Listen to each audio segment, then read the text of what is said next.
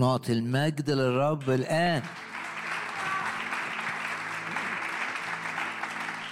بحماس كده بقوة.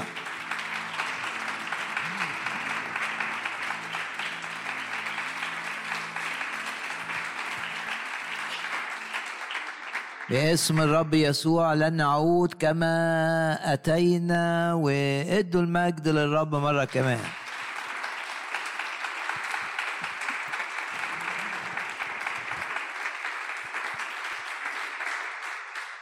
ونعلن كلنا إيماننا. ارفع إيدك كده وإعلن إيمانك إن ده اجتماع لمجد الرب يسوع.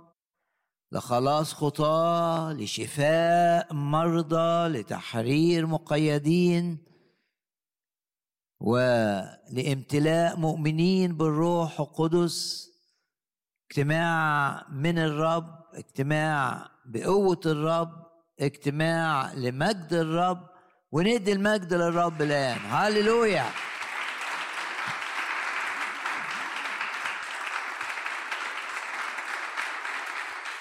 من مثلنا شعب منصور بالرب. اعلن انك انت منتصر على الخطية منتصر على الشر منتصر على المرض منتصر على الحزن. منتصر على الهم. اعلن إن في كل الدوائر بتشوف تأييد الرب ليك بكل وضوح وكل حاجة تعملها تنجح فيها. ندي المجد للرب مرة كمان.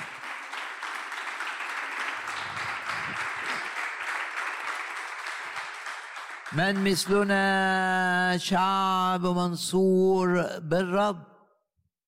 ونعلن ثقتنا. نحن مع الرب نسير من قوة إلى قوة. ومع الرب إحنا في الارتفاع. وارفع إيدك اعلن إنك أنت محمي. الرب يحفظك من كل شر. وارفع إيدك كده واعلن إيمانك إن الرب يحفظ نفسك. واعلن إيمانك معي. إن كل آلة اتعملت لإيذائك في أي دائرة؟ في الدائرة الصحية في دائرة العمل في الدائرة العائلية في دائرة الخدمة أي آلة أي سلاح أي خطة وضعت لإيذائك لا لا لا تنجح باسم الرب يسوع. وندي المجد للرب مرة كمان.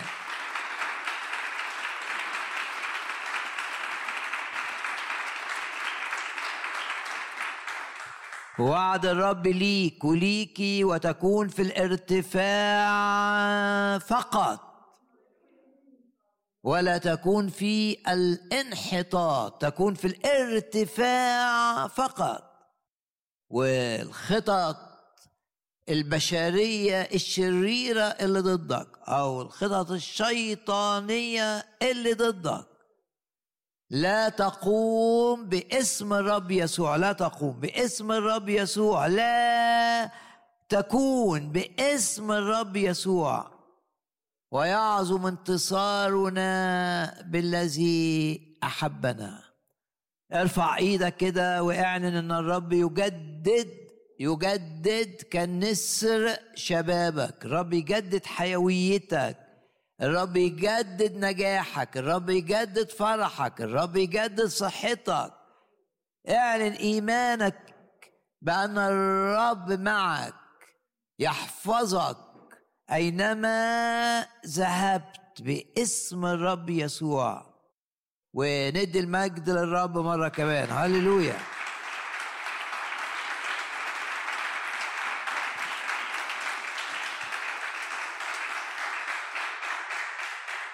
في بداية العام الرب عطانا إن العام ده عام فيه فرح عام فيه هتاف. بنهتف فيه للرب. فالهتاف معناه صوت طالع من جوانا بكل كياننا. اهتف لأن الرب حاضر في الاجتماع وقول معايا للرب هللويا.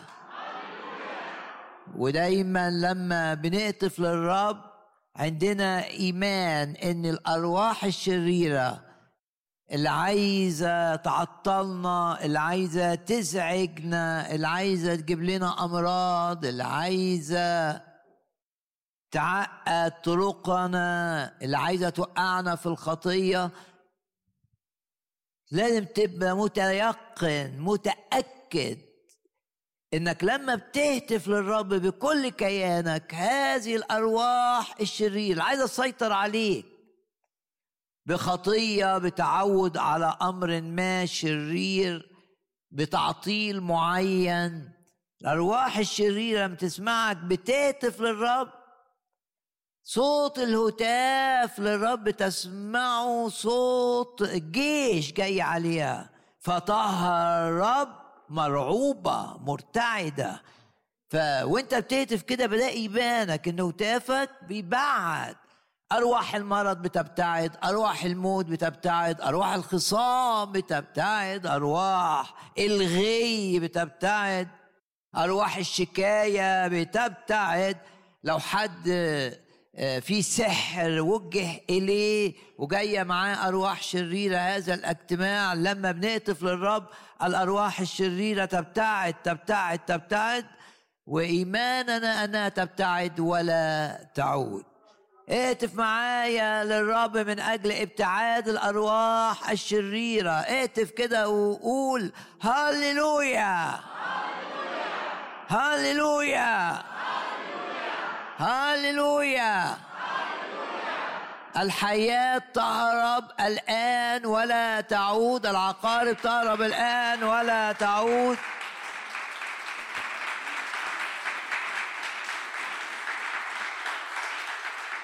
والحاجات اللي بتهدم في ذهنك أفكار. والحاجات اللي في جسدك بتتعبك. كل حاجة بتهدم وبتخرب. زي ما بتقول الآية هادموك. كان الحديث إلى أورشليم وهو حديث موجه أيضا إليك. هادموك ومخربوك منك. يخرجون. نهتف للرب علشان الأرواح تذهب عشان التعابين تذهب عشان العقارب تذهب عشان اللعنات تنتهي. نهتف للرب يسوع الملك ملك الملوك ورب الأرباب ونقول بكل زي ما بيقول المزمور قلبي ولحمي يهتفان. اهتف معايا واجبر التعابين إنها تهرب ولا تعود. اهتف قول هاليلويا هاليلويا هاليلويا وندي المجد للرب الآن.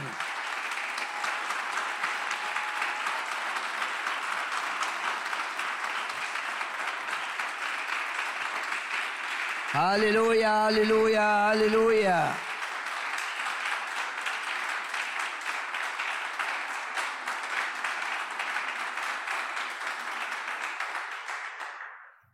وباسم الرب يسوع نقيد أي نشاط شيطاني ضدنا أو في نشاط شيطاني ملاحظه ضدك أمور بتتعقد اعلن إيمانك أن الشيطان تحت قدميك باسم الرب يسوع باسم الرب يسوع. وأفكركم بكلمات سفر العدد عن الهتاف. نهتف كده بكل كياننا للرب. زمان العهد القديم كان يصاحب الهتاف كانوا بيضربوا الأبواق. سواء البوق اللي هو الشفار أو البوق الفضي. يدوا أصوات كده عالية مرعبة للعدو.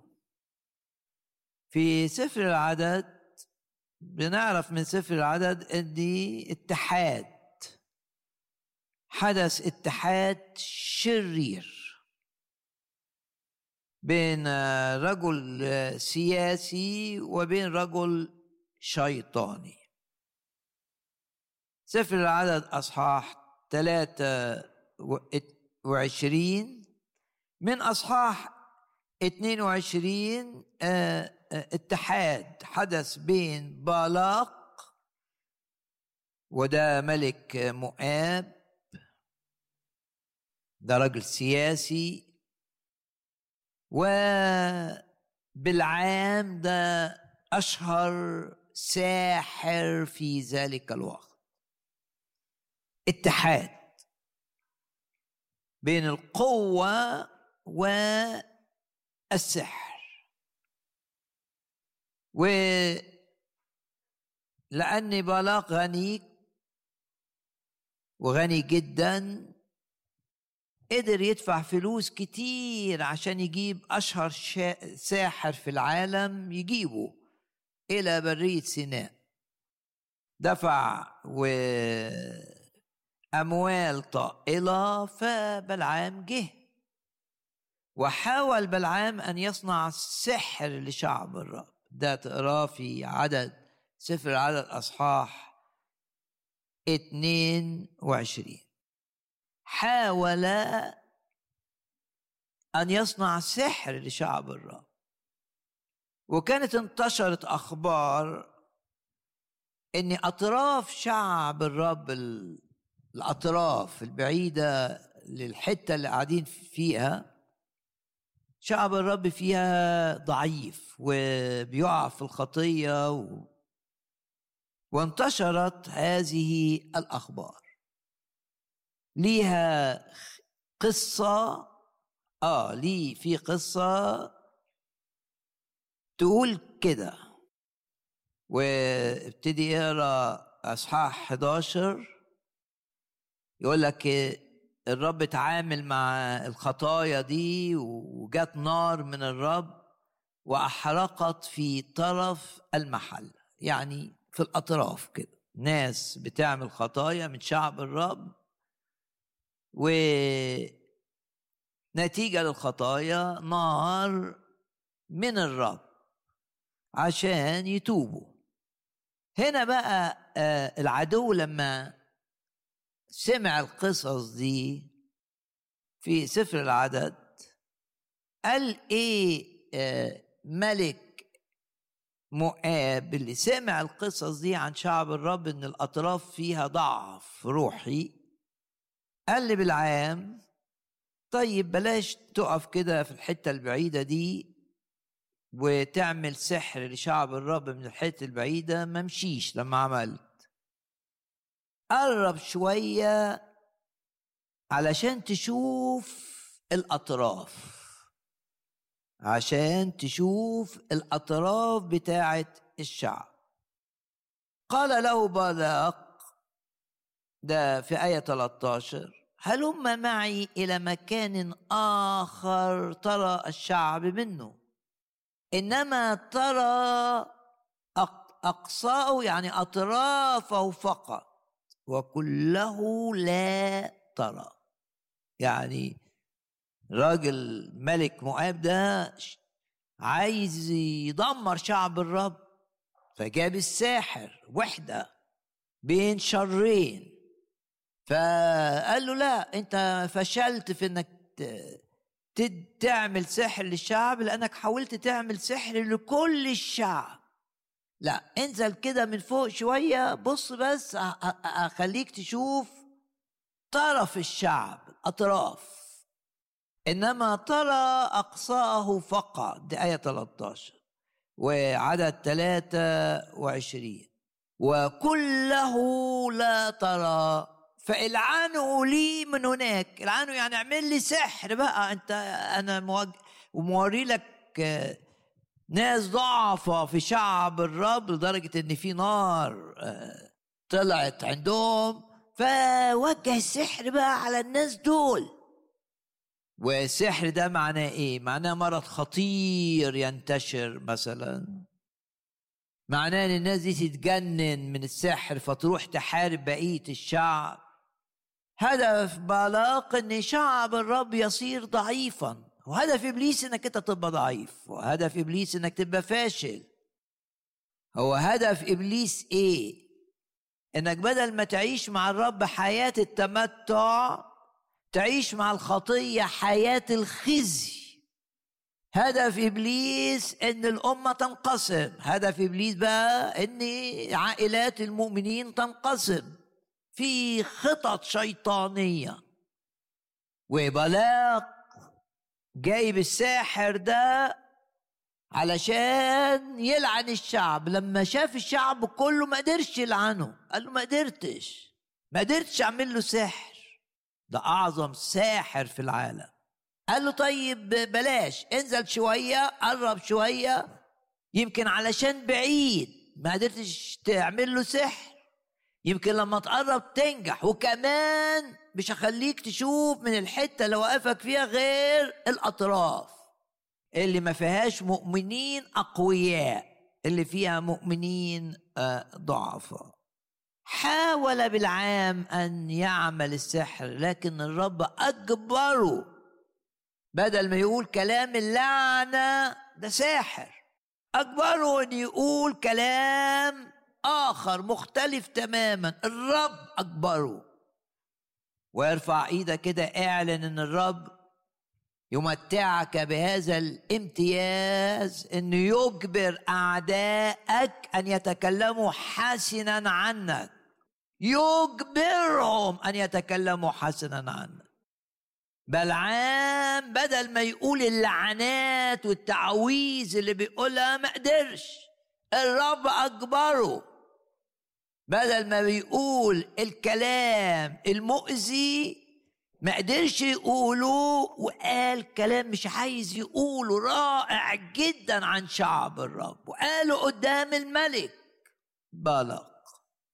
ارفع إيدك مرة كمان واعلن إن الرب يتحكم في الناس من أجلك. يتحكم في الصحراء من أجلك. يتحكم في اللي بيخططوا ضدك من أجلك ولو في ضرورة هيجبرهم أن يقولوا عنك كلام لمصلحتك كلام لفائدتك كلام لمنفعتك. ده درس سفر العدد أصحاح 23 الملك بلاق دفع فلوس كتير للساحر جاب الساحر. الساحر بدل ما يلعن الشعب دي شغلته. وواخد الأجرة كمان. ما قدرش. أجبره الرب أن يقول كلام آخر مختلف. من سيشتكي على المؤمنين. باسم الرب يسوع ارفع إيدك كده واعلن ان أي كلام آه لإيذائك أو ضدك ينتهي باسم الرب يسوع باسم الرب يسوع. والناس اللي بيكرهوك الرب يجبرهم يجبرهم بطريقته أن يتكلموا عنك كلاما حسنا لخيرك باسم الرب يسوع. هل نجح بلعام في إنه يلعن الناس الضعفاء دول اللي في الأطراف؟ اللي شايفهم ما قدرش. يقول الكتاب إن الرب اقتحم المشهد ووضع كلاما في فم بالعام. وقال له قول اللي أنا حطه جواك إنك تقوله. إني قد أمرت شوف شوف بالعام الساحر بيقول إيه؟ بيقول الرب أمر إن يبارك الشعب. خلاص. يبقى ما حدش يقدر يجيب لعنة على الشعب. ولا بالعام ولا إن وجد ساحر أقوى من بالعام. خلاص أنت اعلن إن الرب بيباركك. اعلن إنك أنت في المسيح ليك البركة. ولا يستطيع أحد أن يحرمك من البركة. ولا يستطيع أحد أن يأتي بلعنة عليك. وبعدين الساحر أجبر أن يقول أن الرب لم يبصر اسما في يعقوب. مش أنت بتقول للمؤمنين دول ضعفاء الرب بيقول لك أنا مش بشوفهم مش بشوف خطاياهم في هذا الموقف. بشوف خطاياهم دي حاجة بيني وبينهم. أقدر ادبهم أجيب لهم نار تحرق شوية حاجات عشان يتعلموا الدرس. لكن أنت مالك؟ أنت انت مالك إبليس؟ دي حاجة بيني وبينهم. انت بقى عايز تجيب عليهم لعنة؟ لا تستطيع. ليه؟ لأن دول تبرروا من خطاياهم. أرى خطاياهم كأب ليهم ولا أرى خطاياهم كقاضي يدينهم. وده معنى التبرير. التبرير مش معناه إن المؤمن ما بيغلطش. لكن معناه إن المؤمن لما بيغلط الرب بيتعامل معه كأب كأب يصحح الأمر وليس كقاضي يأتي بعقاب عليهم. ده اللي قاله الرب هنا لم يبصر اسما في الشعب. هل الشعب ما يعملش اسام بيعمل اسام ولا سيما في الأطراف. ليه؟ لأن الأطراف دول بعاد قوي أبعد مكان عن مكان العبادة. يعني مكان بعيد عن المكان اللي كان فيه خيمة الاجتماع فالتأثير الروحي جاي عليهم قليل. عشان كده لازم تبقى قريب من مكان التأثير الروحي. الشيطان عايز يبعدك عن مكان التأثير الروحي. انت كده قول جواك باسم الرب يسوع. كل محاولات إبليس إن يبعدني عن مكان القوة الروحية كل محاولات إبليس يفشل فيها.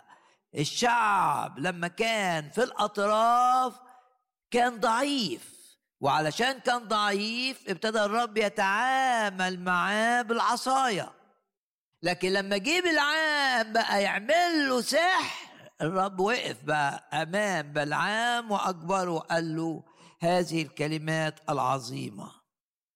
لم يبصر اسما ولا رأى سوءا في الشعب أرى لك آية تعبر عن هذا المعنى في العهد الجديد وتشجع بهذه الكلمات رسالة بولس الرسول الأولى إلى كورنثوس كلمات عظيمة جدا. امسك في هذه الكلمات والأصحاح السادس بيقول لهم أنتوا كان فيكم ناس زناه وكان فيكم ناس بتعبد أوثان وكان فيكم ناس بتسرق وكان فيكم ناس بتسكر وكان فيكم ناس بتخطف. هكذا كان أناس منكم. آية 11 كمل بقى. لكن اغتسلتم بل تقدستم. بل تبررتم وحط خط اتنين تلاتة أربعة. وقول أنا تبررت بسبب إيماني لأن التبرير يأتي بأن أنا أعمل حاجة لا. التبرير يأتي بأنك تؤمن بالرب يسوع إنه صلب من أجلك. وإنه دمه الثمين سفك لتطهيرك من كل اثامك اثام الماضي اثام الحاضر اثام المستقبل. شوف الناس اللي كانوا حرامية اللي كانوا بيسكروا اللي كانوا بيزنوا اللي كانوا بيخطفوا اللي كانوا بيظلموا. يقول تبررتم. بإيه؟ بإنكم عملتوا حاجة؟ لا بإنكم آمنتم بالرب يسوع باسم الرب يسوع. وبالروح القدس. ارفع إيدك كده واعلن انك انت مبرر بالدم. ارفع إيدك قدام الرب كده واعلن انك انت مبرر بالدم وعشان كده الصحراء مش هيقدروا عليك. ارفع إيدك كده واعلن ايمانك انك مبرر بالدم. مرة كمان ارفع إيدك كده وعظم معايا دم الرب يسوع الآن. يلا نعظم دم الرب يسوع.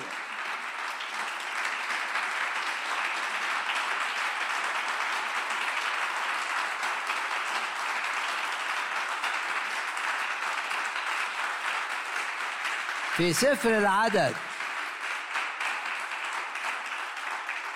ليه بلعام ما قدرش يلعن الناس الضعفاء اللي من شعب الرب بسبب الدم؟ لأن دول كانوا بيقدموا ذبائح للرب في خيمة الاجتماع رغم ضعفهم بسبب الدم اللي كانوا بيؤمنوا بيه مع إنه دم حيوانات لكنه دم حيوانات ترمز إلى دم الرب يسوع الثمين عشان كده كان في قوة خلت أقوى ساحر عاجز تماما مش قادر يعمل أي حاجة. بسبب إيه؟ بسبب دماء الذبائح. طب أنت في العهد الجديد تؤمن بالدم لدماء ذبائح العهد القديم كانت بترمز ليه؟ تؤمن بدم الرب يسوع السمين. لازم تؤمن إنك أنت مبرر بدم الرب يسوع. مقدس بالدم. مبرر بالدم. في العهد الجديد بسبب إيمانك بالدم أنت في العهد الجديد. الرب مسؤول عن حمايتك ومسؤول عن تعضيدك ونجاحك. بسبب إيمانك بالدم دخلت في دائرة المفديين. وارتبط الله معك بعهد صار ملزما بك. ارفع إيدك كده. اعلن انك انت تؤمن انك مبرر بالدم انك مقدس بالدم انك مغسول من خطاياك بالدم انك مطهر بالدم انك في العهد الجديد بسبب الدم. إنك تدوس على الحيات والعقارب بسبب إيمانك بالدم وإنك مح محمي من الحسد ومن السحر ومن أي قوة شريرة بسبب إيمانك بالدم وعظم دم الرب يسوع مرة أخرى.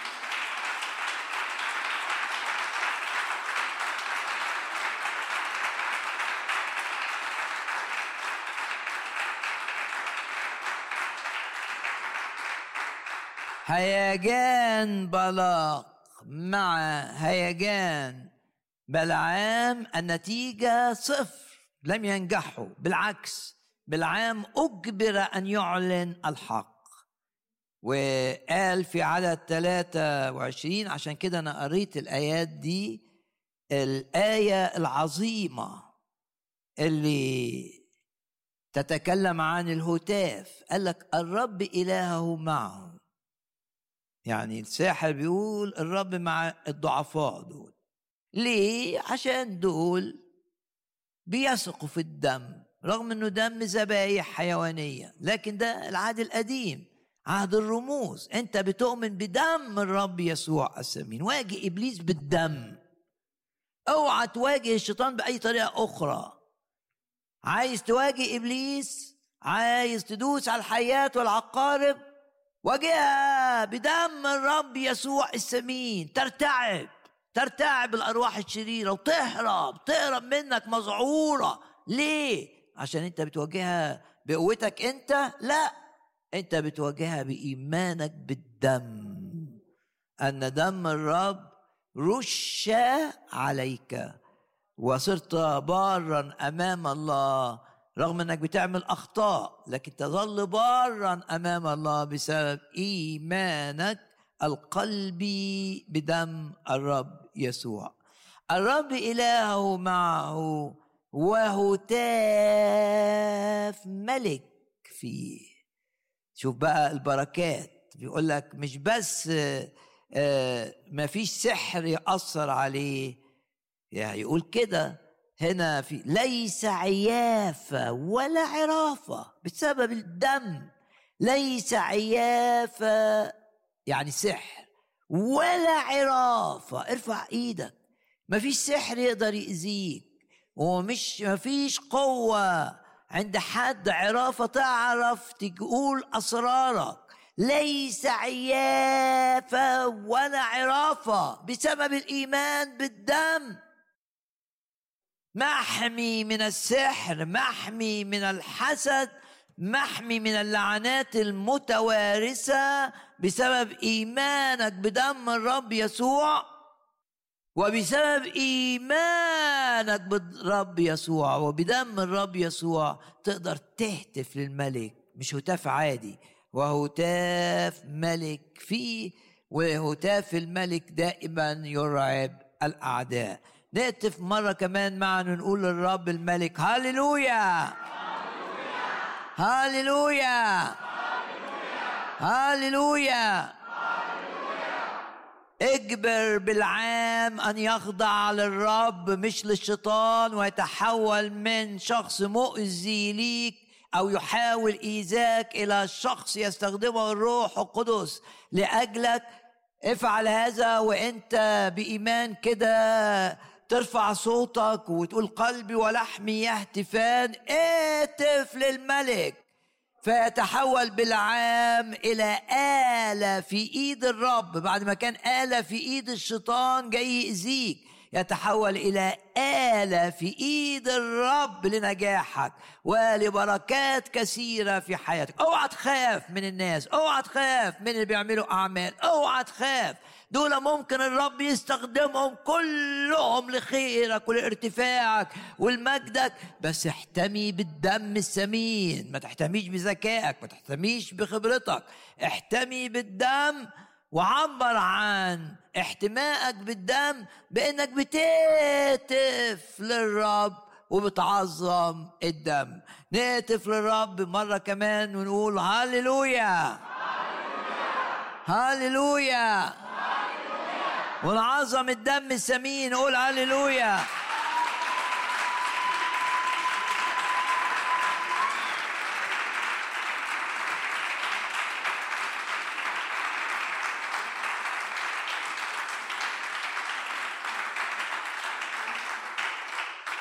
إبليس عايز يصيب جسدك بأمراض. إبليس عايز ربما عايز يقتل ناس. أنت تعمل إيه؟ تقول أنا محمي بالدم. وتهتف للرب ومن الشيطان والحيات اللي بعتها تهرب مذعورة خايفة باسم الرب يسوع. وبالعام اللي كان جاي يعمل لك سحر يجبر أن يقول كلام الكلام اللي قاله بالعام ده قاله للملك خوف الملك أكتر ما كان خايف من شعب الرب وجاي له ساحر. بدل ما الساحر يقول له أنا أضعفت شعب الرب أنت تقدر تنتصر عليه. لا ده اللي جايبه علشان يشجعه استخدمه الرب من أجل أن يزداد ضعفا ومعنويات منخفضة في مواجهة شعب الرب. الرب يستخدم احفظ هذا المعنى. الرب يقدر لو أنت وثقت فيه أن يستخدم بالعام من أجلك. وندي المجد للرب مرة كمان.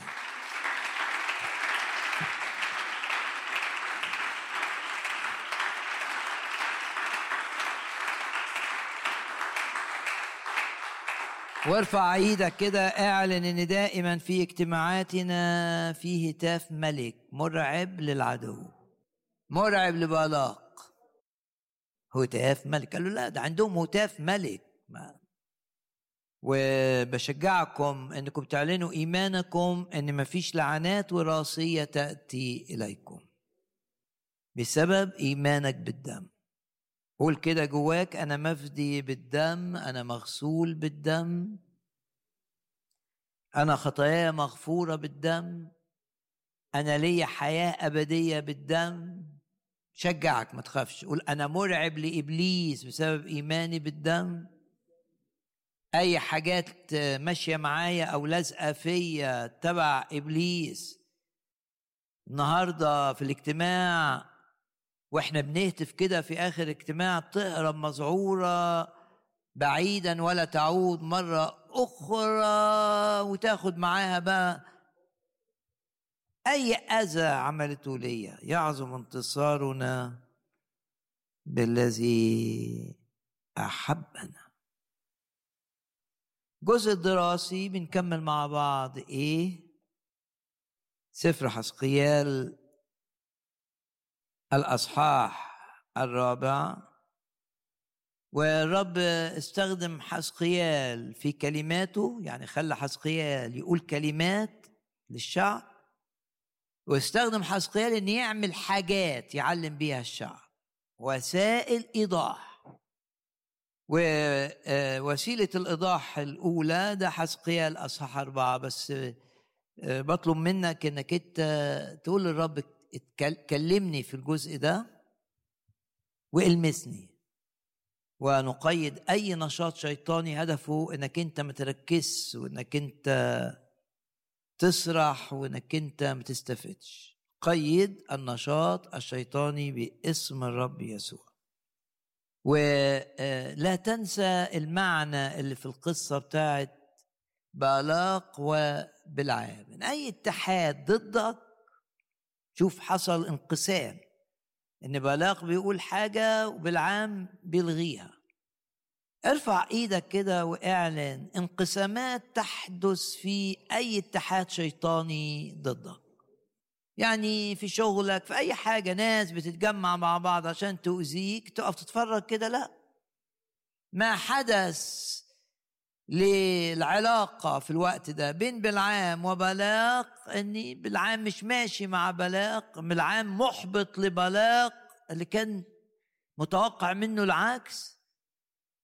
مش صدفة إنك يحدث معك. ارفع إيدك مرة كمان واعلن إن مملكة إبليس تقدر كده تعلن إيمانك. لما تيجي تحاربك تنقسم. بيحصل لها غي. الكتاب بيقول كده. يعني إيه؟ يعني بيبقوا جايين كده يهجموا عليك ثلاث جيوش زي أيام يهوشافاط. ويبقوا جايين متحدين كده بعدين تحصل لهم تهيؤات فبدل ما يحاربوك متحدين يبتدوا يحاربوا بعض. والكتاب يقول ويساعد بعضهم على إهلاك البعض. وشعب الرب بيعمل إيه؟ بيسبح بس. كان شعب الرب أيام يهوشافاط بدأ المعركة بإنه شغل التسبيح وجاب الناس اللي بتسبح في الهيكل وحطها في مقدمة الجيش وابتدت تسبح. و اعرف قيمة التسبيح لما يبقى من القلب. يعمل إيه؟ يخلي العدو المتحد ينقسم. ومش ينقسم بس ده يحصل له غي كده يعني. يعني كل جيش ثلاث جيوش جايين يحاربوا مع بعض. يفتكروا إن ده جيش يهوشافاط أو جيش شعب الرب. في يوم يحاربوا بعض يتلخبطوا. آه الرب بيعمل كده. لما تسبح اعلن إيمانك إن وحدة العدو تنتهي وتحدث انقسامات ويهلك بعضه البعض. ممكن في شغلك موظفين ضدك ناس بتتآمر عليك ولا تنزعج سبح بس الرب بقلبك. وإبليس يضعف أمامنا باسم الرب يسوع. وعشان كده الوعد العظيم ده كمان بيأكدوا إصحاح سفر التثنية أصحاح كام؟ 28 في طريق واحدة يخرجون عليك يعني جايين مع بعض كده. في طريق واحدة يخرجون عليك. وفي سبع طرق. شوف العدو باقي إيه متقسم سبعة. يهربون أمامك. وكملة الآية يأمر لك الرب بالبركة في خزائنك وفي كل ما تمتد إليه يدك. شوف نفسك كده إنك مؤثر في المكان وفي المجال اللي بتتواجد فيه. وجودك مؤثر. خلي الأعداء الأرواح الشريرة تتلخبط. ويخلي الناس اللي جاية تتكلم ضدك تتكلم لصالحك. لأنك وضعت ثقتك في الملك ولأنك احتميت بالدم الثمين سفر حسقيال للجزء الدراسي. يا رب المسنا وإحنا بندرس ارفع جدا معنوياتنا لا للمعنويات المنخفضة. تخافش. تعود من هنا مختلف. لو جاي مريض تعود في صحة جيدة. لو جاي منهك تعود بحيوية جديدة. لو جاي بتعاني من صداع مستمر أديله سنين باسم الرب يسوع يختفي الصداع ولا يعود مرة أخرى. بنعلن إيماننا. وأعلن إيمانك معايا إن الاجتماع ده فيه شفاء من أمراض لا شفاء لها لدى الأطباء. ارفع إيدك كده وأعلن ثقتك في حضور الرب يسوع في الاجتماع. وفي تحرير من قيود شيطانية عمرها سنين في حياة الناس. في خلاص الخطاة. وفي انتعاش غير عادي للمؤمنين.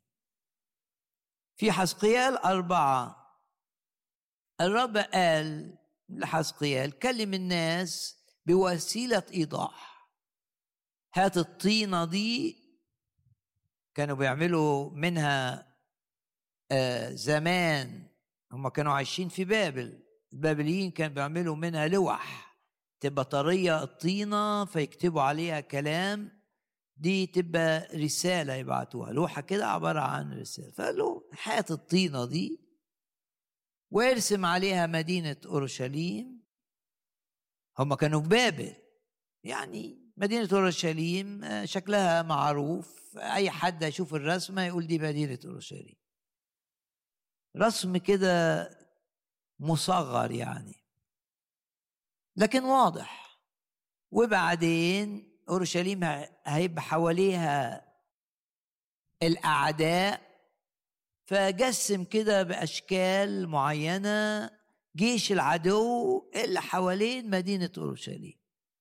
طب إيه ده إيه وسيلة الإيضاح؟ عايز يقول لهم إن الحصار على المدينة يستمر لأن كان في فكرة خادعة ملأت اليهود اللي كانوا في بابل وان يوم الحصار هينتهي ويبقى وهيرجعوا من بابل. فالرب بيقول لهم لا مش هيحصل كده. دايما الإنسان يحاول يتمنى أو ي... آه، الحاجة اللي عايزة تحصل. عشان ترجعوا لازم تتوبوا وأنتوا مش رافضين الخطية يبقى إزاي ترجعوا. وسيلة الإيضاح بتقول لكم كده آدي مدينة أورشليم وحط كده آه زي مجسمات كده من الطين أو من أي مادة تمثل العدو اللي محاصر المدينة والأسلحة بتاعته. فالناس تعدي بقى قدام بيت اللي ساكن فيه حسقيال تلاقي في الفناء باين بقى للناس. إيه الرسم اللي رسمه ده؟ دي أورشليم آه اللي إحنا هنرجع لها قريب. لا مش هترجعوا لها قريب. الرب قال إن في حصار مستمر حول المدينة. وبعدين الرب قال له هات صاج بقى من حديد صاج قوي يعني وحطه كده بينك وبين مدينة أورشليم اللي رسمتها على الأرض. صاج كده له صاج. عشان دي وسيلة إيضاح إن في حاجة فاصلة بين الناس اللي في اورشليم والرب. في صاد. لا يزال إلا بالتوبة. شعب مصمم على الخطية فخلاص. هيقعدوا يصرخوا الرب مش هيستجيب. والآية اللي وقفنا قدامها إن رعيت اسما في داخلي يعني ناوي تكذب مش هتقاوم الكذب. خلاص تصرخ. كأنك بتكلم السقف. في صاغ أو جواك مرارة من حد. مش عايز تصلي إن المرارة دي تشال من جواك. عندك مرارة كده وغيظ وعايز تنتقم. طب ما طول ما أنت كده في صاغ من حديد بينك وبين الرب. تقول للرب طلعني من المشكلة دي. هيقول لك في صاد. أنت بترعى المرارة أو أنت بترعى الكذب أو بترعى علاقة جنسية غلط أو علاقة عاطفية غلط. مش واقف ضد الخطية. ممكن تبقى ضعيف. أوكي. الضعف ما يعملش لوح حديد بينك وبين الرب. يعني هو وسيلة الإيضاح دي إن بين أورشليم وبين الرب ممثل في حسقيال لوح حديد. عايز أتوقع تدخل إلهي عظيم؟ مش هقول لك خليك قوي لا خليك ضعيف بس في ضعفك إلجأ للرب. وفي ضعفك اطلب الرب إنه يزيل منك القيد اللي في حياتك. وعيش ضد القيد. حتى لو ضعيف الضعف بفكركم الضعف ما يعملش حاجز بين الإنسان وبين الرب. إنما الاستهانة وإنك مش عايز تقاوم ومش عايز تصلي ومش عايز تحضر اجتماعات عشان تبقى ضد الخطية. وعايز تمشي بدماغك ومش عايز تخضع للرب ده بقى مش ضعف. ده تحدي للرب. آه ده يعمل حاجز بينك وبين الرب وتصرخ للرب والرب لا يستجيب.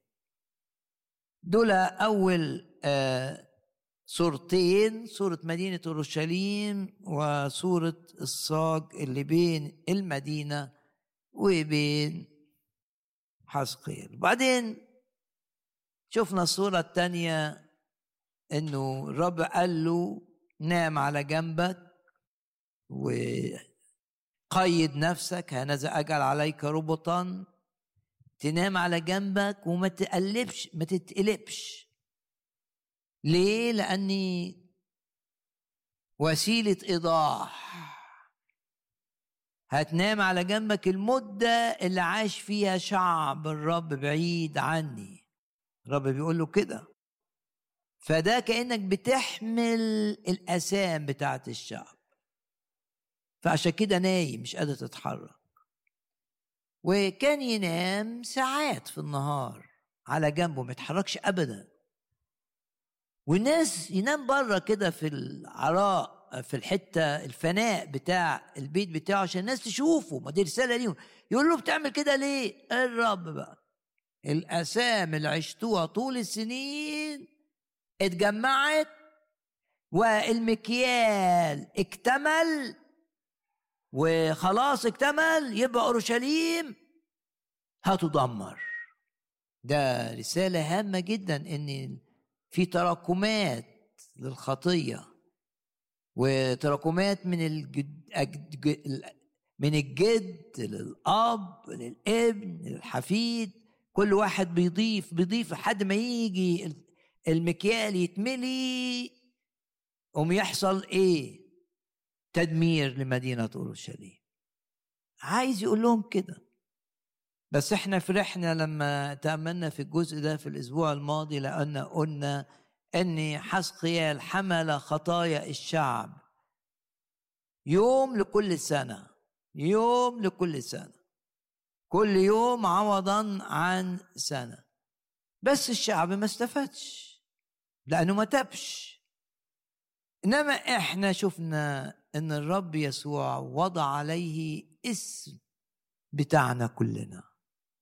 وأستطاع أن ينقذنا من عقوبة خطايانا التي نستحقها. حسقيال ما قدرش ينقذ فدي مقارنة بقى بين حسقيال العهد القديم والرب يسوع في العهد الجديد. حسقيال شال الخطايا رائد على جنبه ما يحركش جنبه لمدة كذا ساعة كل يوم يوم عن كل سنة عاشوا فيها في الخطية لكن ما قدرش يشيل الخطايا. إنما الرب يسوع شال خطيتي شال خطيتك شال خطيتك وذهب إلى الجلجسة وعلى الصليب تحمل بآلامه. كل عقاب نستحقه بسبب هذه الخطايا. عشان كده فرحنا وقلنا اللي بيؤمن بالرب يسوع باللي عمله الرب يسوع على الصليب عقاب خطاياه لا يأتي عليه. إنما العقاب أتى على الشعب اليهودي. ليه؟ لأن ما كانش عندهم الرب يسوع. إنما أنت لو جيت للرب بقلبك واحتميت فيه وأنت رافض الخطية بس تقول له يا رب أنا ضعيف بس بحتمي فيك عقاب الخطية لن يأتي لن يأتي إليك. العقاب جه على أورشليم لأن حسقيال شال الخطايا بتاعتهم بس ما تعاقبش بدلهم ما قدرش. إنما الرب يسوع افرح كده معايا و... وأنت بتستمع إلى هذه الآية العظيمة التي تعلن حق لا مثيل له. في رسالة بطرس الرسول الأولى. الذي حمل ونفسه خطايانا في جسده. صح. اتنين وآية أربعة وعشرين. وأصح ثلاثة آية 18 فإن المسيح أيضا تألم مرة واحدة من أجل الخطايا. البار من أجل الأسمة عشان يدينا الغفران. عشان عقاب الخطية ما يجيش علينا. بشجعك إنك تغمض عينك دلوقتي وتشكر الرب وتقول له أنت مش حسقيال أنت الأعظم من حسقيال. حسقيال اتحطت عليه خطايا الشعب لكن لم يستطع أن ينجي الشعب. لكن أشكرك لأن كل الخطايا اللي أنا عملتها واللي هعملها اتحطت عليك وأنت معلق على الصليب. وتحملت عقابها كاملا لكي لا أعاقب أنا. أشكر الرب لا دينون عليّ. فيش عقاب خطية هيجي عليا مفيش لعنة بسبب الخطية هتيجي عليا لا لعنات على حياتي بل بركات. ليه؟ لأن الخطايا اتحطت على حسقيال لا حسقيال ما قدرش يعمل أي حاجة اتحطت على الرب اللي قبل إن يشيل اللعنة على الصليب بدالك اللي قبل إن يتحمل عقاب خطاياك بالكامل بدالك اللي قبل زي بولس ما قال صار لعنة لأجلك صار خطية لأجلك على الصليب عشان يديك الغفران مجانا. وعشان يقول لك خطاياك لا أعود أذكرها. عشان يقول لك مغفورة لك خطاياك. عشان يقول لك لك حياة أبدية. عشان يقول لك لن تهلك إلى الأبد. لأني كل خطاياك اللي ارتكبتها أو سترتكبها حملت بدلا منك على الصليب مش زي حسقيال شالها وخلاص. إنما حملتها وتحملت دينونتها بالكامل وتحملت عقابها بالكامل لكي لا يأتي لا لعنة ولا عقاب عليك. ادوا المجد للرب الآن.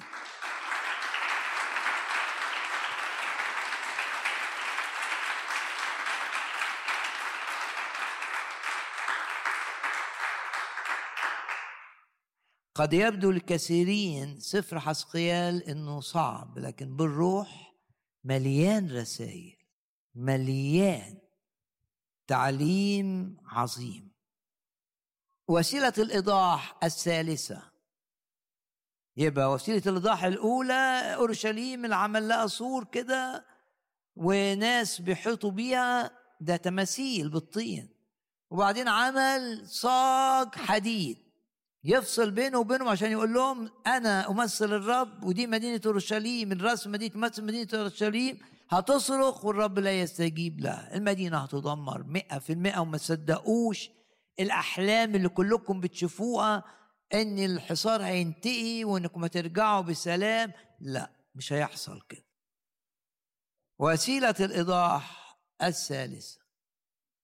وخذ أنت لنفسك قمحا وشعيرا وفولا وعدسا ودخنا وكرسنة ست حاجات. وضعها في وعاء واحد. انت تنام على جنبك اليمين كذا ساعة في اليوم عشان تحمل الاسم اللي هيجي عليك وابتدى بالجنب الشمال وبعدين بعد هتقعد في الجنب الشمال كام يوم؟ 390 يوم.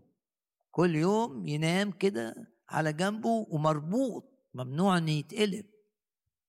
صورة للي عمله الشعب من الخطايا شوف خليتك إيه؟ اورشليم هتبقى كده. هتبقى عاجزة عن الحركة.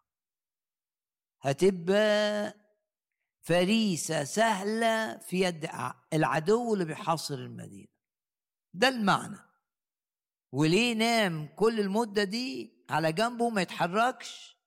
عشان عايز يقول لهم أنتوا عملتوا أسام كذا سنة كذا سنة هم اتجمعوا كلهم على بعض وجم على حسقيال وده حسقيال مش قادر يتحرك.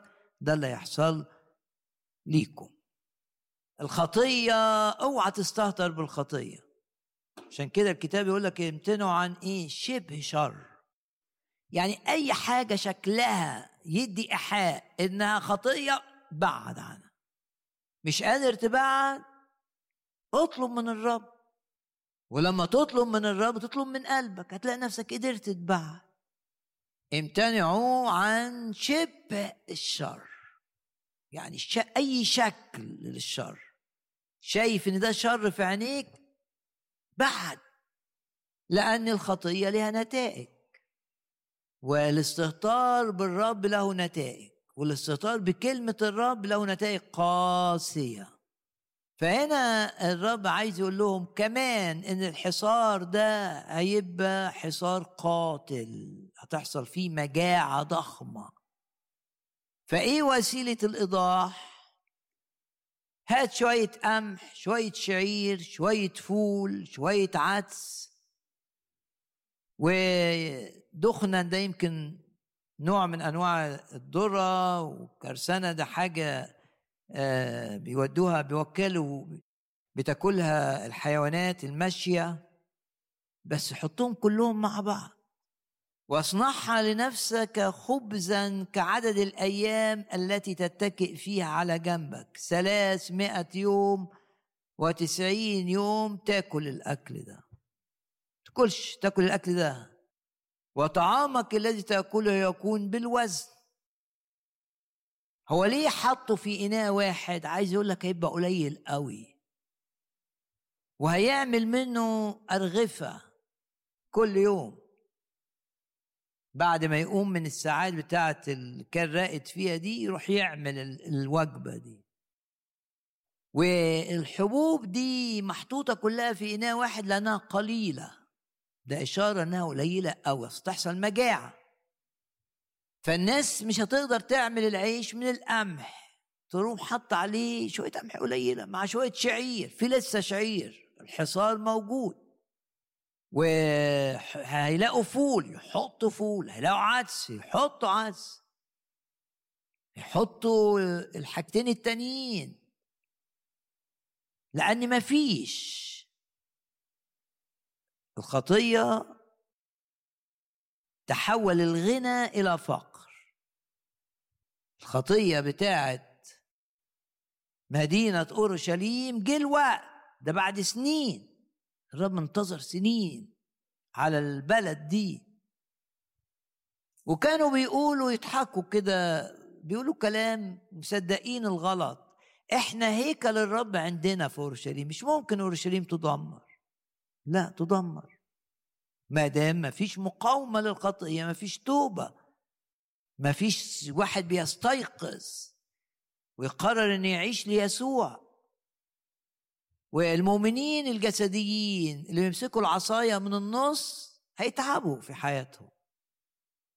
لازم تتبع الرب بقلب نقي. طوبى لأنقياء القلب. لازم مخافة الرب تبقى في قلبك. وعايز ترضي الرب في كل طرقك. وأي حاجة فيها شبه شر بتهرب منها. هو ده الكتاب. ده مش أنا. ده كلمة الرب. الرب وعد شعبه بإيه؟ نشوف وعود الرب عن الطعام اللي وعدهم بيها. أقرأ من المزامير. شوف وعود الرب لشعبه. الذي يجعل تخومك سلاما. ده 14 يعني ما فيش حصار ولا ولا ولا عدو يقرب لأنه قد شدد عوارض أبوابك. ده مزمور 147 العوارض اللي هي القضبان اللي كانوا بيدعموا بيها الأبواب عشان العدو ما يقدرش يدخل. بارك أبناءك داخلك. الذي يجعل تخومك يعني حدودك سلاما. لا ده بقى الحدود على حواليها البابليين جايين من آخر الدنيا. وهم عندهم بقى طمأنينة مزيفة إن فرعون هيجي يسندهم فالبابليين هيمشوا. لا تجي لك الطمأنينة لما تبقى مع الرب. فقط. لما تبقى أمورك مسلمها للرب بالكامل القى على الرب همك تبقى مطمئن. لكن تبقى مطمئن عشان فلان تدخل عشان مش عارف حصل إيه علشان فلان معرفة. هذه طمأنينة زي طمأنينة شعب الرب. فرعون قوي هيجي عاملين اتفاقية معاه. هيجي يطرد البابليين. والعجيب الموتش ان فعلا فرعون بتاع مصر جه. لكن طرد البابليين فعلا. شعب قال خلاص إحنا في أمان. بس الرب قال لا أنتم مش في أمان. ليه؟ لأن بعد شوية فرعون رجع والبابليين جم بقوة أقوى مما كانت ده الحل البشري. طمأنينة اللي مصدرها بشر. اللي مصدرها علاقات. محبطة. تبان إنها آه الفرج جه ده فلان هيعمل كذا ده فلان مش عارف هيكلم مين. لا. فرج يجي لما أنت وأنت بتصلي كده بتعترف بأخطائك بيبقى في عمار كده سلام بينك وبين الرب وتسمع الرب بيقول لك أنا معاك. كفاية. هنا أنت مطمئن. هنا تقدر تقول زي داود أنا مطمئن. وعود الرب لشعبه لما بيبقوا عايشين معاه. يعني مزمور 147 ده مزمور عظيم. يقول لك سبحوا الرب. لأن الترنيم للرب حلو. لأنه ملز. حاجة لذيذة إنك ترنم. رنم دايما بصوت عالي وإفرح. وعبر عن فرحك واهتف. وبعدين الذي يجعل تخومك يعني حدودك سلاما ويشبعك من القمح. ويشبعك من شحم يعني الحنطة الحنطة هي القمح يعني القمحاية كده مليانة. ويشبعك من شحم الحنطة. آية أخرى من سفر الخروج. اللي بيقوله الرب في سفر الخروج أن الرب يبارك طعامك. يبارك خب الزكاة وإيه؟ وماءك افرح. ده لما تبقى عايش مع الرب. لكن لما تدي ظهرك للرب كده وتقول الرب أصل ما بيعملش حاجة ما أنا مسكت فيه ما عملش حاجة دي خداع من إبليس. ده أنت لما تبقى مش شايف الرب بيعمل حاجة كن متأكد إنه بيعمل كل حاجة وسيفاجئك في الوقت المناسب بنتيجة ما فعله. أرى من مراسي أرميا والأصحاح الرابع. الذين كانوا يأكلون المآكل الفاخرة. مراس أرمية. أربعة آية خمسة. يعني حسقيال هيعمل إيه؟ هي... عايز يقول إن الحصار هيستمر وهيبقى عندكم مجاعة مش هتلاقوا حاجة تاكلوها.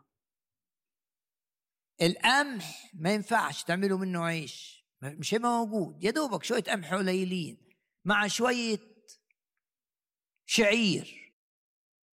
دقيق من القمح ودقيق من الشعير. وبعدين شوية فول. وبعدين شوية كذا. وبعدين شوية كذا وكذا في إناء واحد. وبعدين كل يوم يا حزقيال تاكل بالوزن.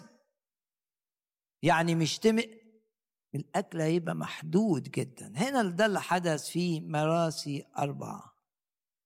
الذين كانوا يأكلون المآكل الفاخرة. يبقى الرب بيغير الأزمنة والأوقات. آه. من أزمنة نكد لأزمنة مجد. ده اللي يجي للرب ويعيش معاه. من أزمنة فشل لأزمنة نجاح. ده اللي بيجي للرب. من أزمنة صحة سيئة لأزمنة صحة جيدة. ده اللي يجي للرب. يغير الأوقات والأزمنة لكن يغيرها أيضا بالعكس للي بيعاند وعايز يمشي بعناده وحاطط ظهره للرب أو ماسك العصاية من النص. زي أيام إيليا الرب يغير الأوقات والأزمنة بتاعته. بعد ما كانت أوقات بركة وتمتع تبقى أوقات مذلة وعبودية ومجاعة. بعد ما كان غني يبقى فقير جدا. الذين كانوا يأكلون المآكل الفاخرة. بيتكلم عن مدينة أورشليم. الرب كان مبارك فيها دي الأرض اللي تفيض لبن وعسل. دي أحسن أرض في الدنيا. الذين كانوا يأكلون المآكل الفاخرة حصل لهم إيه؟ هلكوا في الشوارع من الجوع. الذين كانوا يتربون على القرمز أغلى أنواع اللبس. احتضنوا المزابل المزبلة صفيحة الزبالة. ده حدث لمدينة أورشليم. وده اللي سبق الرب وقاله لحسقيال بوسيلة إيضاح يعملها للشعب. الشعب هيمروا على البيت بتاعه يلاقوه كده في الفناء نايم على الأرض على جنبه الشمال كذا يوم وبعدين بيقوم بعد كذا ساعة ياكل الأكلة القليلة دي الخليط. ده أكلة تعبر عن غضب الرب على الشعب. مش أكلة كويسة. لأن في تطرف في ناس بتعمل الأكل ده ويقول لك ده آه، آه، صحي و... لا هو ما كانش كده. ده أكل علشان يتعب. حسقيال مثال لتعب الشعب. كان عظيم النبي ده بس ما هو شاف المجد. يعني عشان كده ما تسأل ليه الرب ورى حسقيال المجد؟ ليه وراه المجد اللي في السماء وليه وراه الكاروبيم اللي كل واحد ليه أربع وشوش وشاف المركبة بتاعة الرب وشاف المجد ده؟ ليه؟ لأنه لازم يحصل اتزان. ده يعمل وسائل إيضاح قاسية جدا. إزاي يحتمل إنه ما يقدرش يقلب جسمه وينام كذا ساعة لأيام كثيرة. إزاي؟ وبعدين اليوم ده يعمل أكل ليه قليل قوي قوي قوي وياكله قدام الناس. إزاي يحتمل كده؟ ما هو شاف المجد اتزان. وبالروح القدس استطاع أن يطيع الرب. كان عظيما إنه قبل إن يعمل الحاجات الغريبة دي. خذ أنت لنفسك قمحا وشعيرا. ده طعام حسقيال اللي بيتكلم عن إيه؟ قضاء الله العادل على شعبه على مدينة أورشليم. حطه في وعاء واحد لأن مش هيبقى فيه. ده معناه إنه قليل قوي قوي قوي ولما تقرأ سفر الرؤيا تقرأ ان هتحصل مجاعة في نهاية الأيام بل مجاعات الرب قال. وفي أماكن غنية هتحصل مجاعات. وبيسميه أو شافوا فرس أسود. أو شكله شكل صعب قوي قوي ده في سفر الرؤيا. رؤيا ستة أصحاح ستة. وطعامك الذي تأكله يكون بالوزن. بالوزن. يعني مش هيعمل كل الخلطة دي مش هيعمل منها أرغفة رغيف كبير. كل يوم عشرين شاقلا. والناس اللي درسوا ده يقول لك تقريبا كده آه الأكل بتاعه من الحبوب دي خمس أقل من خمس كيلو. حاجة قليلة قوي. وتاكله كده من وقت إلى وقت تأكله. بس كل يوم الواحد ما يزيدش عن في الأكل بتاعك يا حسقيال عن كام؟ عن خمس كيلو. من العيش اللي شكله ملخبط ده. والمية اللي تشربها ما تشربش في اليوم أكتر من تقريبا نص لتر مية. يعني عنده ثلاث حاجات صعبين كل يوم من ال 390 يوم ورا بعض. أول حاجة ينام على جنبه يقعد نايم على جنبه ما يتحركش. ها أنا ذا أجعل عليك ربطا فلا تقلب من جنب إلى جنب آية 8 دي أول حاجة صعبة. تاني حاجة لما الساعات اللي يشوفوا فيها الناس ما بيتحركش يقول لهم ده لا يحصل لأورشليم. تبقى زي جثة هامدة كده. يقوم ياكل ياكل إيه قدامهم؟ يعمل الاكل قدامهم. في اليوم مش هياكل أكتر من خمس كيلو. خمس كيلو طول اليوم. بس من الحبوب دي اللي خلطها وعمل منها أرغفة. وما يشربش مية إلا حوالي ستة من عشرة لتر أو نص لتر. وتشرب الماء بالكي. في رسالة لينا هنا آه لو أنت زي تبع الرب ممكن يجي لك وقت تبقى كده بس لكن مش على طول. يجي لك بعديها وقت تعويضي. هو كان عايز بس يوصل رسالة بوسيلة إيضاح مين اللي صمم الوسيلة دي؟ الرب نفسه. أحط قدامك آه، آية في الحتة دي. يبقى هو هنا بقى ال ال وسيلة الإيضاح رقم ثلاثة بيقول إن الشعب جوه أورشليم أثناء الحصار هيدخل في مجاعة صعبة جدا مش هيلاقي حاجة ياكلها. ومش بس مش هيلاقي حاجة يأكلها. لا. ده كمان النار اللي بيش... اللي هيعمل بيها الأكل ويخبز بيها الحبوب دي عشان يعمل منها عيش النار دي الوقود بتاعها مش هيبقى موجود. يعني الأكل مش موجود وعمل الأكل صعب جدا. ده نتائج كلها للعناد. الشعب عاند في الرب.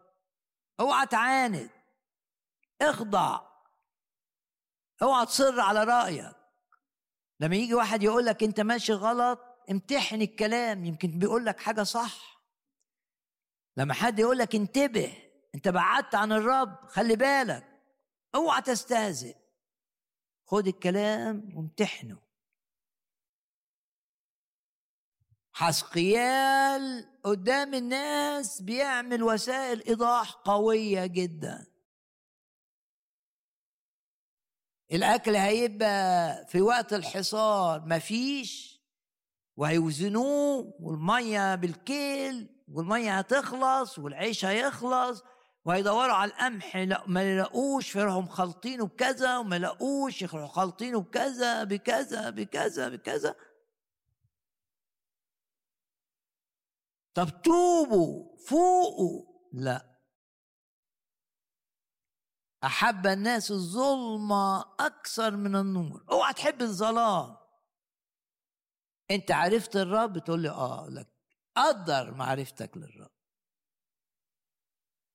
قدر إنك عرفت الرب قدر إنك عرفت يسوع قدر إنك عرفت قوة الدم الثمين قدر إنك أنت عرفت حاجة اسمها الروح القدس.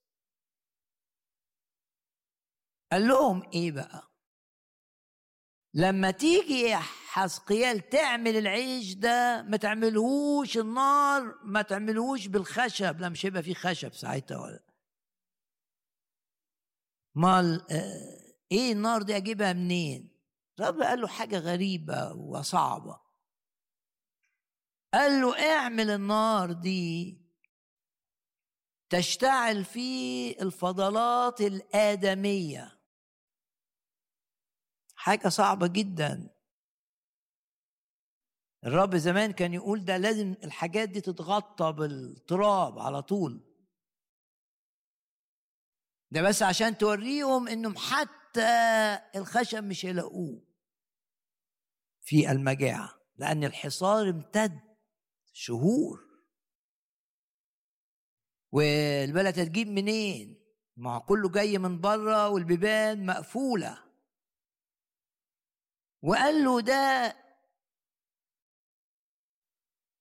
هنا بقى حسقيال ما قدرش يطيع الرب. آه يا سيد الرب آية 14 ها نفسي لم تتنجس. اللي أنا بعمله ده نجاسة. ده في حكم الشريعة. ومن صباي إلى الآن لم آكل حاجة ميتة ولا فريسة زي الشريعة بتاعتك ما بتقول. ولا دخل فمي لحم نجس. ده الأكل ده يتنجس ب... مش لأنه الشعير نجس لكن طريقة عمله فيها نجاسة. فالرب قال له إيه؟ قال له موافقك. تقدر تستخدم الفضلات اللي طالعة من البقر مش من البني آدمين. وتولع فيها النار. هتشتعل. فتصنع خبزك عليه. طب تقول لي ليه الرب عمل كده؟ عشان عايز يعلمك درس. لو انت مسؤول عن ناس أو لو انت بتكلم ناس تفهم نفسيتهم تفهم وجهة نظرهم. الرب ما قالوش أنا قلت كده يعني كده. لا. أنت مش قادر تعمل ده أنا مقدر نفسيتك. حسقيال قال للرب كان صريح قال أنا ما أقدرش أعمل الشغلانة دي إن أنا أعمل الخبز بالفضلات بتاعت الإنسان. ما أقدرش. ده نجاسة. والكتاب بتاعك بيقول كده. قال له خلاص أوكي. بيعلمك إنك أنت كأب أو كأم أو كقائد في مكان أو تحتك ناس بتشغلها. تعلم من الرب. إيه مش إن كلمتك تمشي. لا إنك تتفهم اللي قدامك تتفهم نفسيته تتفهم تربيته. كان ممكن من الرب من الأول يقول له اعمله بالطريقة دي. وخلاص. لكن هو الرب عايز يعلمنا درس. تفهم من تأمره. لا تعامل الناس بقساوة. ممكن حاجة بالنسبة لك بسيطة لكن بالنسبة لواحد مش بسيطة. تربى بطريقة معينة. عنده صغر نفس عنده أي حاجة عنده عنده إحساس بالغيرة. لأن ظروفه صعبة فبيغير من الناس اللي ظروفها كويسة. أنت لازم تتفهم. يعني الرب تفهم اعتراض حسقيال. وبيعلمك الرب إنك تبقى مرن. هو مش قادر يعمل ده خلاص. أديله حاجة يقدر يعملها. أنا مش عايزك يا حسقيال تفشل. ويبقى جواك إنك ما قدرتش تطيعني لا أنا أتنازل. وأدي لك أمر آخر تقدر عليه. اعمل الوجبة دي بس مش بالوقود العادي. اعملوا بالفضلات اللي طالعة من البقر. حاجة تقدر عليها. دروس كثيرة لنا في هذه القصة. وهو كمان عنده بعد مش قادر دي حاجة حاجة تربيت إن دي نجسة خلاص أنا تربيت كده. تفهم الرب. لازم تبقى واثق إن الرب بيتفهم ظروفك. ولا يقسو ابدا عليك. الرب لم يقسو على حسقيال وعلمه إنه يبقى يمر بظروف صعبة عشان بيخدم الرب. وهيقوده لظروف رائعة أيضا. وده اللي قاله بولس تعلمت أن أكون أعرف إزاي لما يبقى عندي كتير أبقى مبسوط ومش متكبر ولما يبقى عندي قليل قوي أبقى مبسوط ومش متذمر. رسالة فيليب هنا بنشوف حسقيال كده. شاف الرؤية العظيمة اللي محدش شافها وتمتع بإنه شاف مركبة الرب والكروبيم والمجد الأصح الأول. بس هنا بقى في أصحاح أربعة بيشوف بيدخل في حاجة العكس تماما. لو أنت ليك علاقة مع الرب تقبل إيد الرب.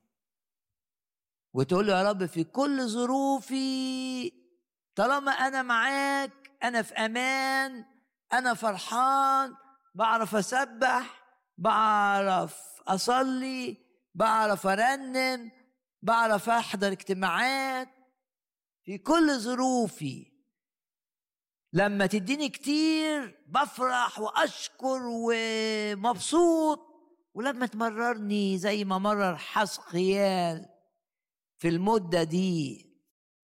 زي ما مرروا في المدة دي 390 يوم صعبين جدا. بس برضو كان سعيد جواه لأنه بيخدم الرب. إيه اللي لمسك بيه الرب النهارده في الجزء الدراسي؟ رجاء لا تستصعب سفر حسقيال ده جزء ثمين لأنه من كلمة الرب. ومليان بالدروس. والرب بيكلمنا كتير ضد الخطية من خلال حسقيال أربعة. ومع الرب تجد بركة في طعامك. وبعيد عن الرب يبقى بيجيب لك أمراض والأكل فيه بينما ممكن يبقى الأكل مليان حاجات وحشة لكن يبارك طعامك يبارك الأكل بتاعك يبارك الماء بتاعك يبارك خبزك وماءك.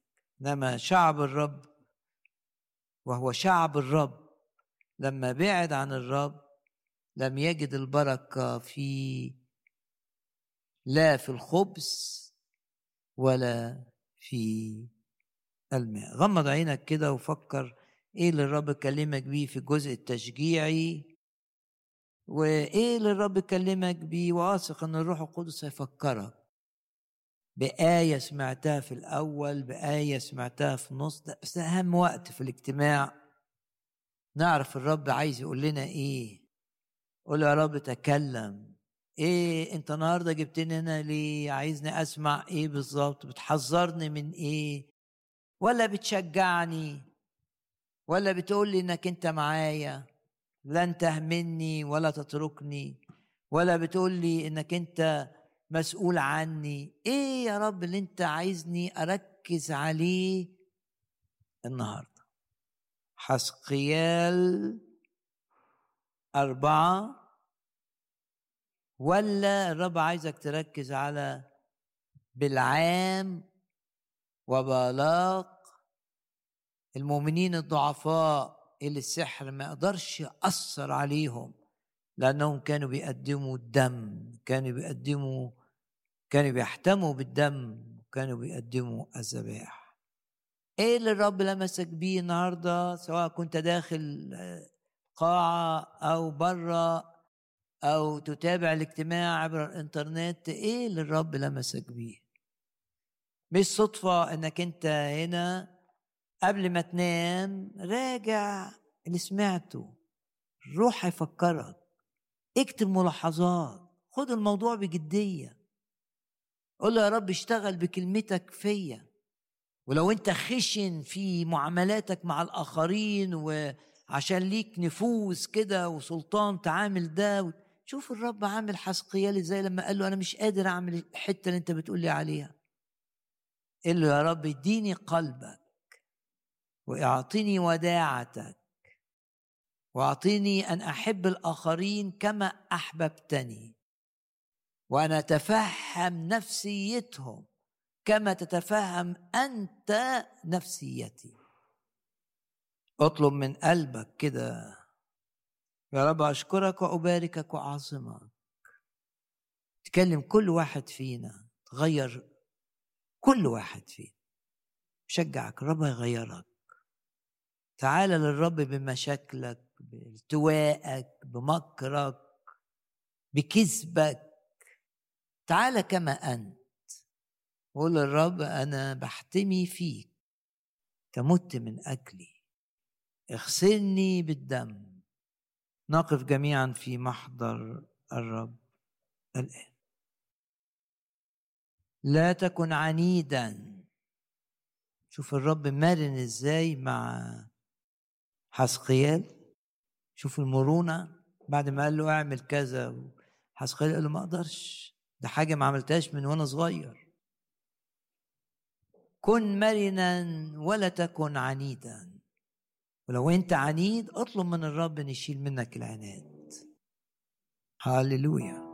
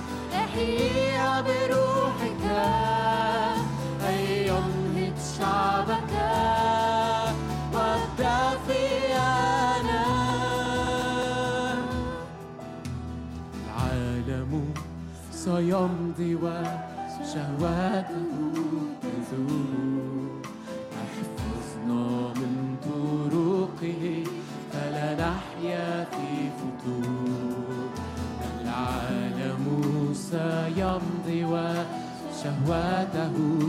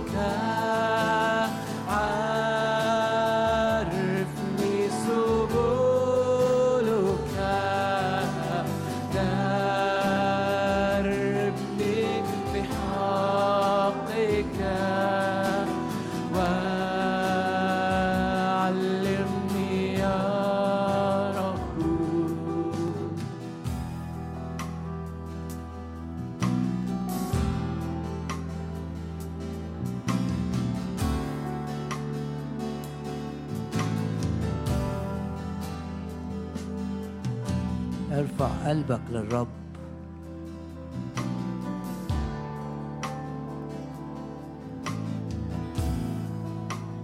قول للرب أنا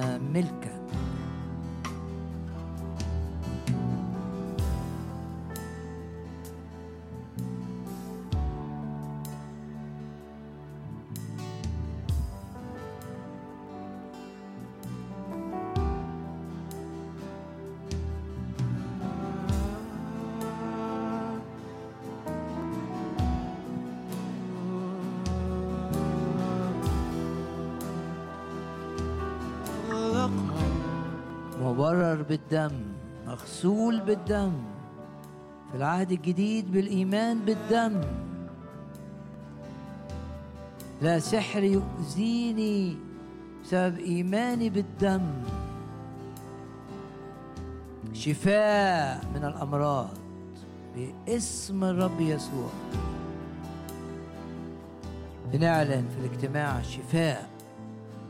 بنعلن شفاء الرب يسوع. بنعلن تحرير الرب يسوع وبنعلن توبة تمجد الرب يسوع.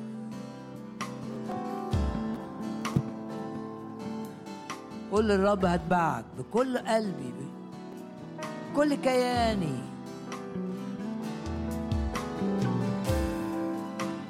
هخدمك طول الأيام بقوتك.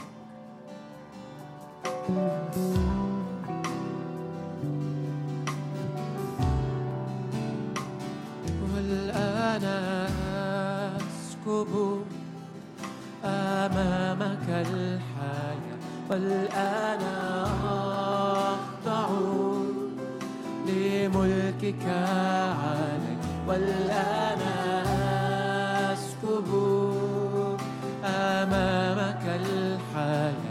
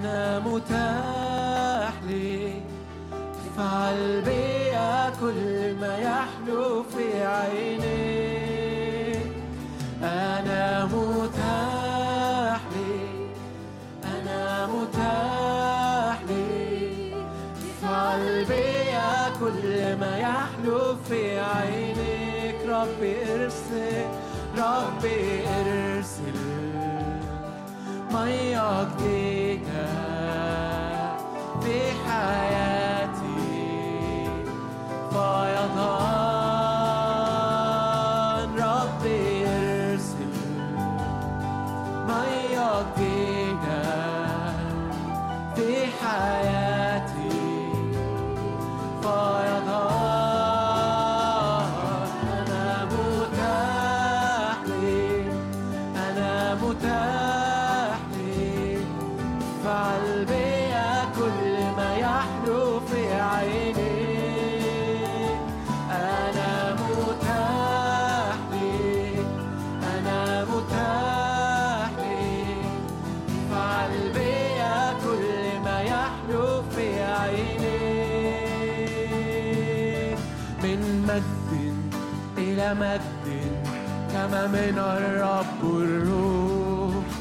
نتغير نتقدس ناظرين مجدك من مجد إلى مجد كما من الرب الروح. نتغير نتقدس ناظرين من مجد من مجد إلى مجد كما من الرب الروح. نتغير نتقدس ناظرين مجدك.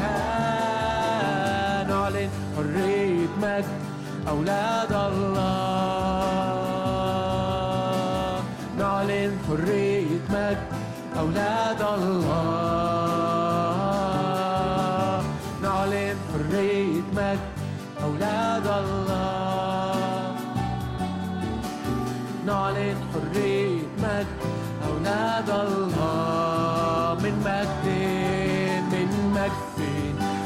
مجد كما من الرب الروح نتغير نتقدس ناظرين مجدك من مجد إلى مجد كما من الرب الروح نتغير نتقدس ناظرين مجد من. مجد من مجد إلى مجد كما من الرب الروح نتغير نتقدس ناظرين مجدك.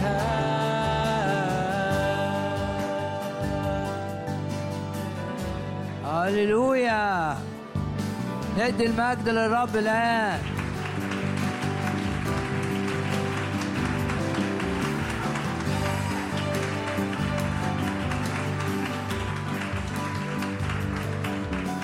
كنت مريضا ضع يدك على مكان المرض مكان الألم باسم الرب يسوع. شفاء لمجد الرب باسم الرب يسوع. قوة من الروح القدس تزيل كل إحساس بالفشل كل إحساس بالإحباط. كل هم يزال كل قلق يزال كل خوف يزال باسم الرب يسوع. ارفع إيدك كده اعلن انك انت يعظم انتصارك بنعلن قوة دم الرب يسوع. بنعلن شفاء الرب يسوع. بنعلن تحرير الرب يسوع. هللويا هللويا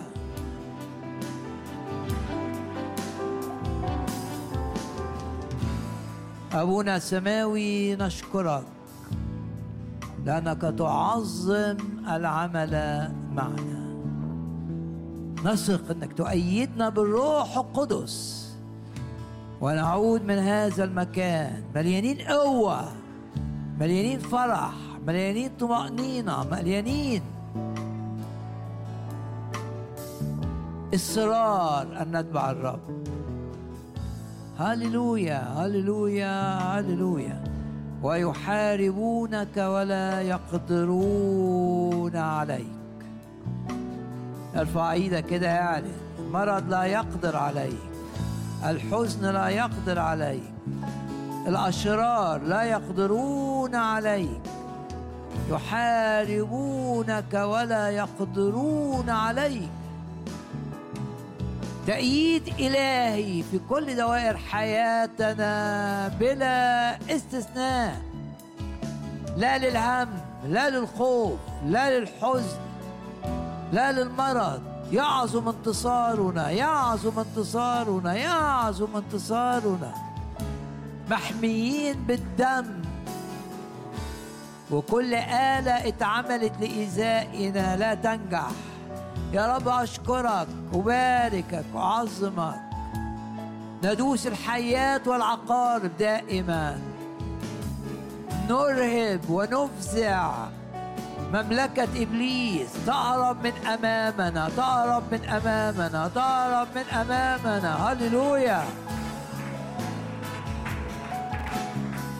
هتاف ملك يجبر الأعداء. أرواح المرض تذهب بعيدا أرواح الموت تذهب بعيدا أرواح الغي تذهب بعيدا. كل الشكايات تبطل باسم الرب يسوع.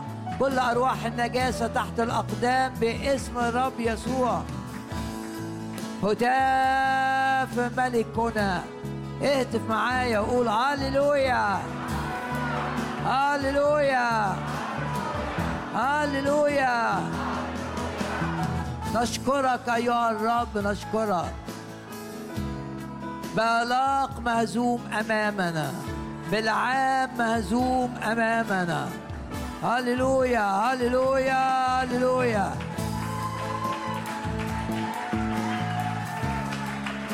دوسي يا نفسي بعز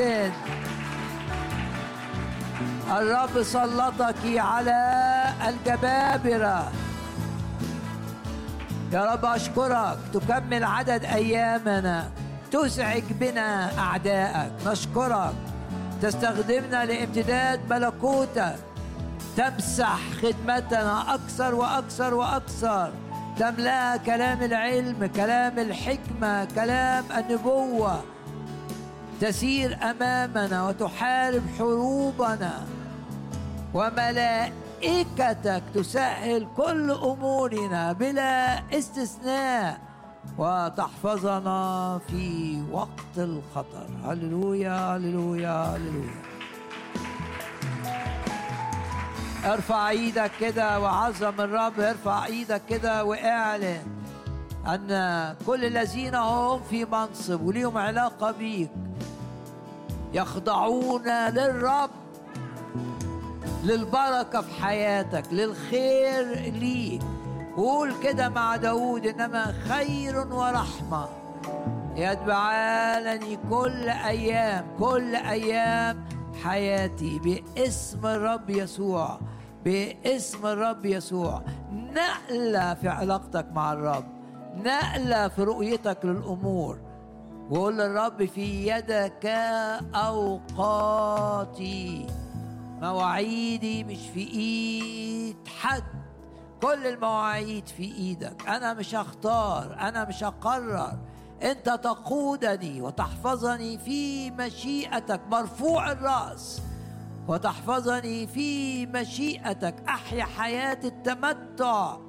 وتحفظني في مشيئتك.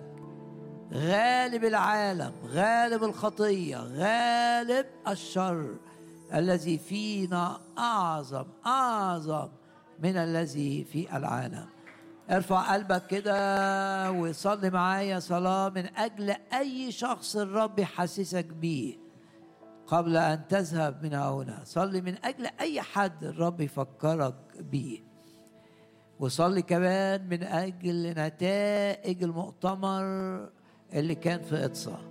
تحفظ النتائج وتزداد باسم الرب يسوع. والرب يستخدم العظات المسجلة والنفوس التي لمسها يستخدمها مع أشخاص كثيرين لامتداد ملكوت الرب. و نربح نفوس كثيرة للرب من مختلف النوعيات من مختلف الخلفيات. ارفع إيدك. تساهم في عمل الرب العظيم تساهم في ناس تتغير تساهم في ناس تشفى تساهم في ناس تتحرر تساهم في امتداد الملكوت باسم الرب يسوع. يبقى ليك دور في عمل الرب. ويملأك الرب بالروح القدس.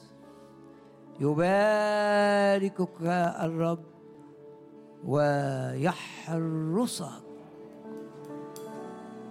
باسم الرب يسوع. يا رب نشكرك ونباركك ونعظمك ليك كل المجد إلى الأبد. آمين.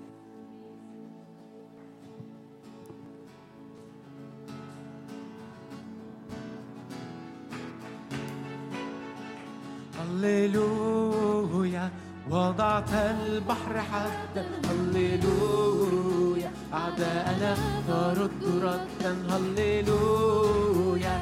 وضعت للبحر حدا هللويا. أعداءنا ترد ردا. قادر من مثلك عظيم في خلاصك. تدفع أعداءنا بنفخة من فمك. قادر من مثلك عظيم في خلاصك. تدفع وعدانا بنفخة من فمك.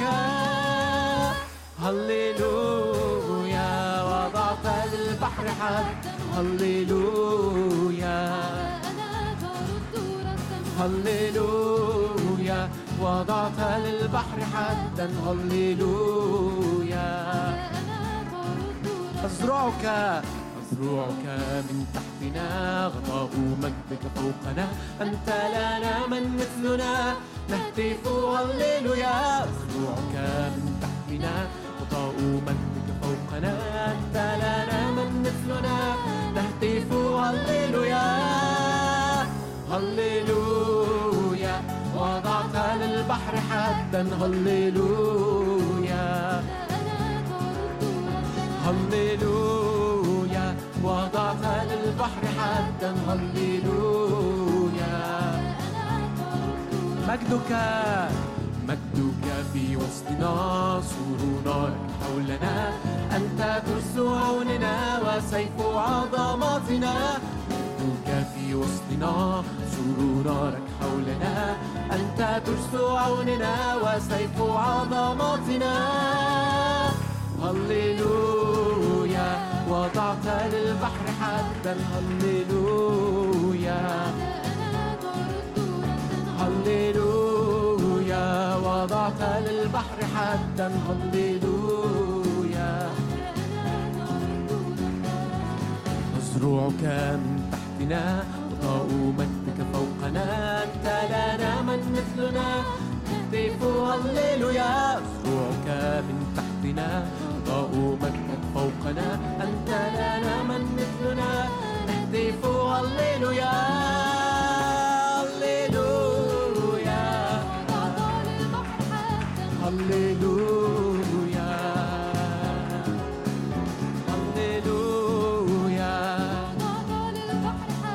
هللويا.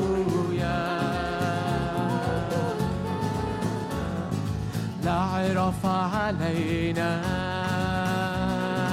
لا يف علينا على الصل والثعبان تدوس أقدامنا. عرف علينا. لا يف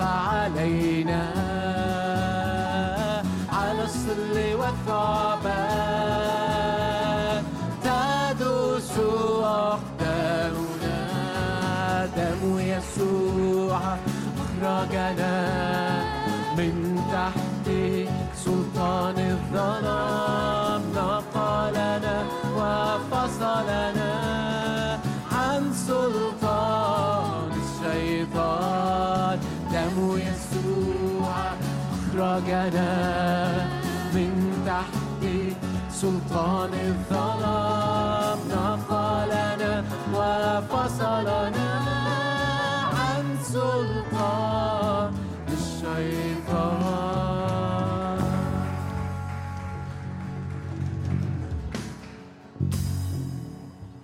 Amen.